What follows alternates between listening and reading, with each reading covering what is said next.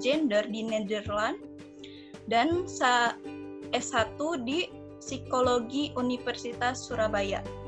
Nah, Mbak Kanis Supianita ini juga aktif dalam beberapa penelitian dan sebagai asisten peneliti dan men, telah mem, mempublikasi beberapa tulisan-tulisannya yang cukup banyak dan pengumpulan data terkait isu gender dan orientasi seksual.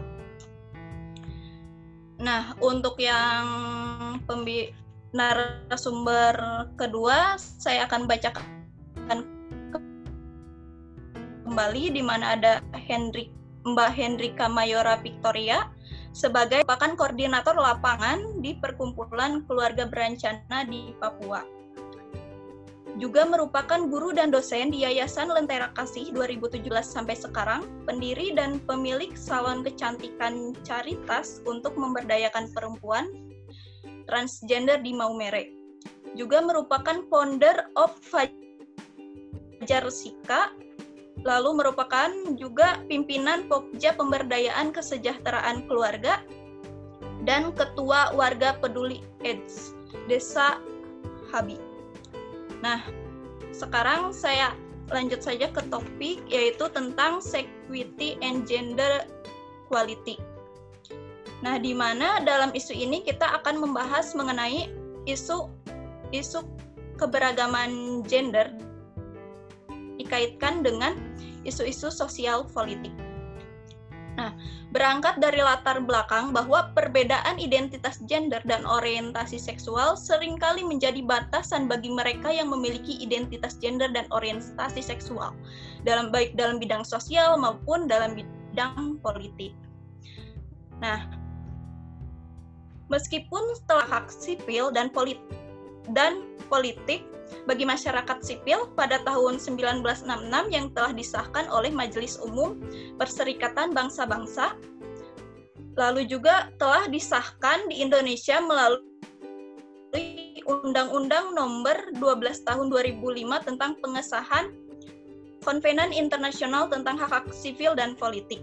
Nah, adapun tanggapan dari undang-undang ini adalah adanya Yogyakarta Principle, di mana dalam Yogyakarta Principle ini ada beberapa landasan yang bisa dijadikan acuan bagi para pembuat kebijakan itu sendiri untuk mengimplementasikan dan melindungi hak asasi manusia terkait mereka yang berbeda dari identitas gender dan orientasi seksualnya.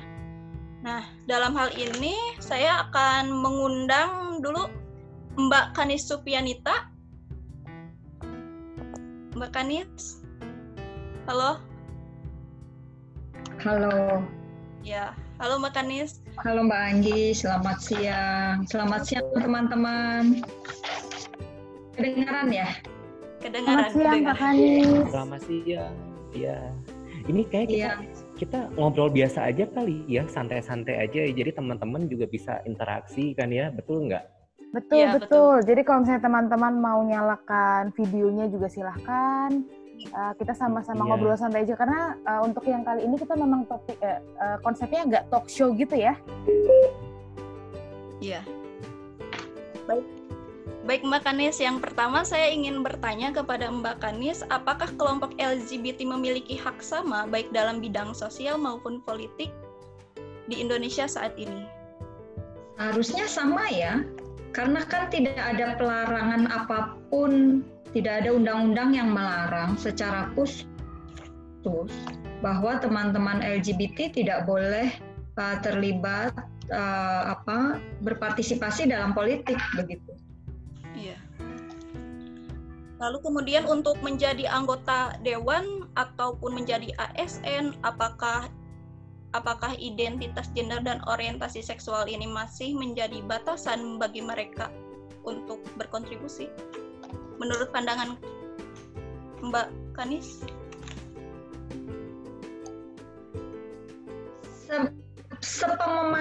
saya, sepengetahuan saya, sejarah juga mencatatnya, uh, ada teman-teman waria yang uh, apa atau transpuan itu yang menjadi anggota dewan ya bahkan di zaman Soeharto itu ada.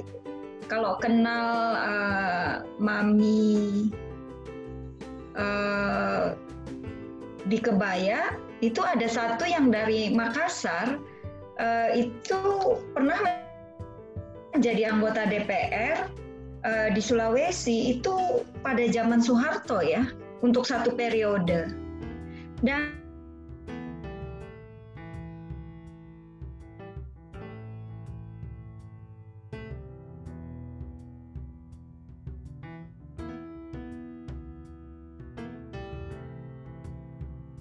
identitas dirinya gitu. Jadi kayak menutupi dirinya. Kalau dibilang menutupin juga tidak ya. Kalau kita melihat awal-awal reformasi misalnya, Merlin itu pernah menjadi calon kandidat wali kota Malang. Merlin itu seorang transpuan dari Malang gitu ya. Lalu kemudian ada Mami Yuli, uh, Pak Dede itu pernah uh, setelah reformasi juga menjadi kandidat anggota Komnas HAM ya, komisioner. Lalu bahwa tidak terpilih itu soal lain ya, bahwa kemudian Merlin gugur itu juga soal lain karena pertarungan politik yang sangat keras ya. Uh, lalu kemudian uh, apa lagi? Ada beberapa di daerah ya. Nah, tentu saja karena di kita itu mengak, memang secara hukum hanya mengakui dua kategori gender, dua kategori seks itu uh, apa uh, lelaki dan perempuan itu. Nah, secara formal biasanya memang teman-teman uh, transpuan yang menjadi anggota apa uh, masuk di dalam per, kancah-kancah politik formal kepartaian itu pasti masih menggunakan identitas itu. Tetapi ekspresinya itu sering kali adalah ekspresi transpuan. Nah, hanya saja kasus-kasus ini tidak dicatat secara rapi gitu, tidak di tracking secara rapi. Kenapa? Karena tidak banyak yang sampai berhasil tuntas uh, menjadi anggota dewan gitu, tetapi ikut di dalam pertarungan pencalonan kandidat itu ada cerita-cerita itu. Tetapi ketika sudah mengajukan diri itu masih terasa ada tantangan-tantangan dari elit pemerintahnya itu sendiri nggak, Mbak Kanis? Se sepengetahuan Mbak Kanis? Tantangan itu pasti ada ya, karena apa ekspresi gender dan lain sebagainya itu pasti menjadi tantangan. Tetapi kalau di skala lokal, artinya di kalau di dalam kepartaiannya itu sudah clear, maka itu menjadi persoalan administrasi. Kemudian tantangannya itu di administrasinya itu.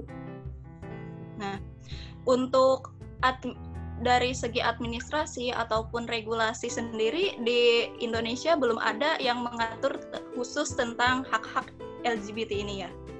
Nah, untuk itu uh, sebenarnya menurut pandangan Mbak Kanis perlukah kita ada regulasi yang mengatur untuk hak-hak LGBT secara khusus, baik untuk berkontribusi dalam politik atau maupun dalam mendapatkan fasilitas-fasilitas kayak seperti fasilitas kesehatan, pendidikan. Menurut Mbak Kanis bagaimana? Sebenarnya buat saya kok eh, apa ya? Ini kan soal praktek hukum, yeah. praktek keadilan. Karena sebenarnya tidak ada larang larangan secara khusus gitu dan tidak ada kriminalisasi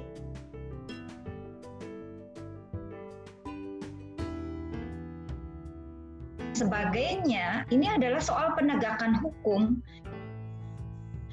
karena teman-teman juga merupakan warga negara gitu. Transpuan itu warga negara dan dia menyejarah begitu kan di Indonesia kan. Eh, apakah teman-teman transpuan tidak punya kontribusi? Uh, siapa bilang begitu? Ber, ber, berapa banyak pe, apa uh, teman-teman transpuan itu terlibat di dalam pembangunan?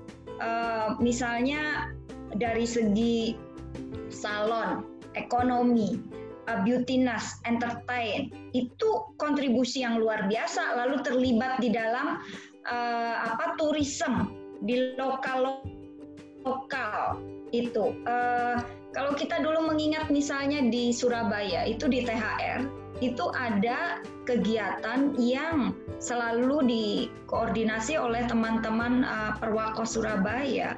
Uh, itu menjadi acara hiburan rakyat itu. Nah, apakah itu bukan merupakan sebuah kontribusi? Itu jelas kontribusi kepada masyarakat, kepada pembangunan, pada ekonomi lokal. Gitu. Nah, itu ada banyak sekali yang dilakukan oleh teman-teman uh, transpuan ya. Kalau uh, teman-teman gay juga ada. Problemnya kan tidak semua orang itu kan uh, apa secara terbuka dengan mudah coming out begitu.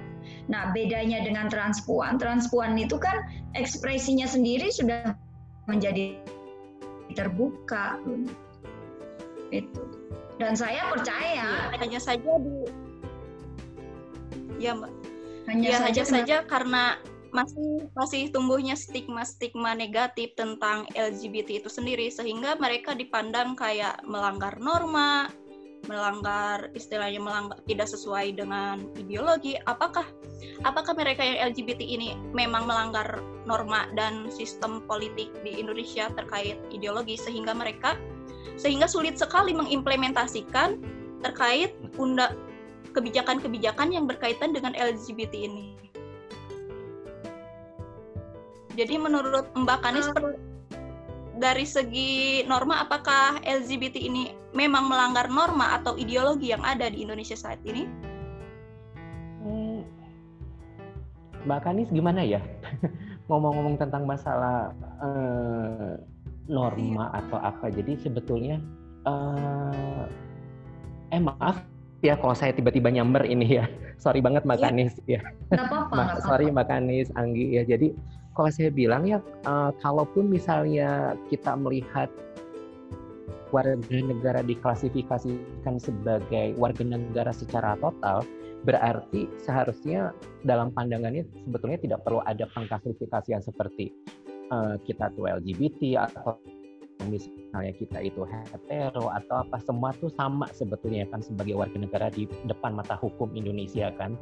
Jadi kalaupun misalnya uh, teman-teman LGBT dianggap dalam tanda kutip itu uh, melanggar norma atau apa, kita juga bisa mem uh, memberikan satu perbandingan uh, kepada teman-teman hetero juga yang toh ada juga yang melanggar norma juga gitu kan. Jadi maksudnya kita tidak memberikan klasifikasi bahwa yang LGBT itu mungkin dianggap melanggar norma yang ada di Indonesia atau apa gitu. Cuma uh, mungkin kita balik lagi ke tataran masalah heteronormatif yang memang nilai-nilainya tersebut sudah sangat melekat di Indonesia plus nilai-nilai agama juga sehingga nilai-nilai tersebut yang cenderung untuk mendominasi uh, sisi kehidupan masyarakat di Indonesia sehingga pada akhirnya ketika uh, nilai agama memberikan satu pandangan bahwa uh, jenis kelamin itu laki dan perempuan dan tujuannya adalah hidup untuk ber uh, untuk berproduksi misalnya menghasilkan keturunan atau apa maka teman-teman uh, yang uh, klasifikasi uh, klasifikasinya bukan seperti itu malah dianggap dianggap tidak normal gitu kan dalam tatanannya mereka gitu sehingga pada akhirnya terjadilah um, stigmatisasi, diskriminasi secara perlahan-perlahan dan makin lama makin masif. Itu sih sebetulnya pendapat saya yang Mbak Tani sama Anggi. Kalau misalnya saya mau nyamber, sorry. Tapi kalau misalnya ada kalau misalnya ada teman-teman yang ingin berpendapat, silakan ya. Kita di sini forumnya bebas aja kok. Kita di, di sini tidak memberi hal yang seperti sangat formal kuliah atau apa, tapi jika teman-teman ada yang ingin berpendapat atau, atau apa silakan ya. We feel free di sini silakan. Terima kasih Mbak Andi dan Kanis juga. Ya, ya koreksi juga kalau, kalau misalnya saya ada salah atau apa ya silakan. Ya. Baik, jadi sebenarnya kita ini masih kayak menghadapi tantangan-tantangan dari norma agama ya untuk suatu negara itu mengakui hak-hak hak-hak bahwa mereka yang beragam identitas gendernya atau orientasi seksualnya itu masih kayak belum diakui belum ya. diakui hak, hak untuk memilih identitas gender itu Iya. sendiri. Mas, Nah, sebenarnya gimana sih biar kita bisa suatu keadilan bagi seluruh tanpa memandang latar belakang orientasi seksualnya atau identitasnya? uh, uh, Anggi pernah uh, kemarin Anggi ikut uh, diskusi juga kan yang waktu kemarin uh, apa sih orientasi seksual dengan hubungannya dengan agama bahwa ternyata memang banyak juga pena- penafsiran-penafsiran ayat-ayat yang ternyata uh, justru bisa mendukung uh, keberlangsungan hidup teman-teman yang kategori uh, orientasi seksualnya minoritas gitu kan ibaratnya. Jadi pada akhirnya ini memang uh, penafsiran ayat-ayat tersebut juga sebetulnya harusnya lebih dikasih, lebih diinformasikan juga secara luas. Lalu yang kedua, satu lagi ini apa apa ya proses politik itu sangat penting di Indonesia ini. Jadi proses politik itu kan dengan sangat mudah bisa membuat um, keadaan itu uh, berubah sedemikian rupa menjadi lebih baik atau bahkan lebih buruk gitu ibaratnya kan dan proses politik ini juga pada akhirnya akan melahirkan juga kebijakan-kebijakan publik yang bisa mendukung teman-teman minoritas untuk sama-sama uh, apa sih menjaga kelangsungan hidupnya, sama-sama bisa sustainable gitu. Dan pada akhirnya hak-haknya bisa diakui oleh uh, pemerintah secara pelan-pelan bahkan hingga hingga masif nantinya gitu. Itu kalau kata saya ya. Oke. Gimana Mbak Kanis? Ini dari tadi Mbak Hendrika nggak muncul-muncul ya. Aku jadi tegang sendiri tuh Mbak Kanis. Sudah coba pengalamanku di sana tuh begitu. Hmm, iya iya. Jadi saya juga uh, sekaligus juga minta maaf sama teman-teman juga kalau misalnya di sini um, Mbak Hendrika sampai sekarang masih belum muncul ya mungkin karena kesibukannya juga ya Mbak Kanis ya. Iya iya. Nah, jadi ya saya mohon maaf dan mohon maklum juga kepada teman-teman ya. Tapi saya juga udah bilang kalau misalnya ada apa-apa langsung aja masuk ke masuk ke Zoom ya. Tadi saya udah bilang ke Mbak Hendrika gitu. Oke, teman-teman ada komentar nggak? Silakan dong ngomong siapa pun lah gitu. Saya pengen dengar suara teman-teman juga nih. Ya mungkin bagi teman-teman ada yang mau menanggapi. Iya. Uh, saya absen aja kali ya Reza atau mm, siapa lagi nih? Ada Mbak Muti, ada Mbak Rosita, ada Zen juga, ada Mbak Yeni. Halo Mbak Yeni. Hai. Ya, ini tadi Mbak Yeni mengingatkan saya tentang Mami Ruli. Ya betul, Mami Uh-uh. Ruli itu anggota dewan di zaman Soeharto di Sulawesi. Anggota DPR itu dalam perbincangan saya dengan dia itu pakaian perempuan, berkebaya, dan dia juga seorang guru dulunya pada waktu itu. Oh, oke. Uh, Iya, iya. itu karena backgroundnya dia itu adalah guru tari. Itu. I see, I see. Oke. Uh, mungkin saya bisa sedikit membacakan juga beberapa poin-poin yang sudah di uh, ada dalam lembar chat ya. Uh, kalau kata Zen dikatakan bahwa jika dikatakan LGBT sorry sebentar ya sorry sebentar ini kenapa? Oh jika dikatakan LGBTIX ingin dianggap setara harusnya tidak perlu dikhususkan. Itu me- menurut pendapat Zen. Lalu Mbak Muti kayak pertanyaan Mbak Muti masih sama ya dengan yang minggu kemarin ya. Jadi pernikahan sesama jenis bisakah direalisasikan, direalisasikan di Indonesia lalu ada juga oh ini ada Zen juga seharusnya Oh ini kayaknya menjawab pertanyaan dari Mbak Muti ya. Seharusnya belum bisa karena dalam undang-undang masih ditentukan bahwa pernikahan hanya masih dilakukan, masih bisa dilakukan oleh dua jenis kelamin yang berbeda. Oke. Terus ada juga ini siapa ini? Rindu Mami Ruli. Oh ada juga. Hai Mbak Yeni, ngobrol dong Mbak. Jangan cuma di chat aja Mbak Yeni. Oke. Ya. Eh, Oke Anggi, gimana kira-kira Anggi? uh, bisa menyambungkan kamu lagi sama Mbak Kanis mungkin silakan balik lagi ke kamu dulu aja. Ya bisa. Nanti saya saya, saya juga ini ingin masih menunggu Mbak Hendrika, jadi mau menyambungkan bagaimana antara pengalaman-pengalaman yang dirasakan dari Ah. Mbak Hendrika itu sendiri. Oh, oke. Tapi uh, saya juga pengen dengar satu perspektif lain yang kebetulan saya juga kenal juga di sini ya. Kayaknya saya colek juga deh, Mbak Yeni. Halo. Halo, Halo, Mbak Mbak. Yeni. Mbak Yeni, halo. Saya ajak ajak uh, Mbak Yeni langsung ngobrol halo. aja. Halo. Ya, ya. Hai. Iya. Oke. Okay. Gimana kabarnya, Mbak? Baik, Fani. Hmm. Nah, kan kebetulan Mbak Yeni juga uh, selalu berhubungan juga dengan teman-teman uh, LGBTIX dalam proses advokasinya juga. Betul nggak, Mbak Yen? Mm -mm. Mm -mm. Nah, kira-kira kita kan sekarang lagi ngomongin tentang masalahnya Mbak Mbak Hendrika nih yang kepilih jadi salah satu pejabat publik gitu ya. Nah, mm-hmm. udah gitu uh, plus Mbak Yeni juga tadi memberikan satu nama juga ya Mami Ruli bukan ya? Ruli atau iya. Yuli ya? Mami Ruli. Okay. Ruli, Mami Ruli, Ruli ada iya. Mami. Yuli uh, dia pernah ikut seleksi Komnas HAM ya kalau nggak salah. Oh oke, okay. iya mm-hmm. iya iya. Nah uh, Mbak Yeni kan sekarang posisinya di mana di Medan ya? Mm-hmm.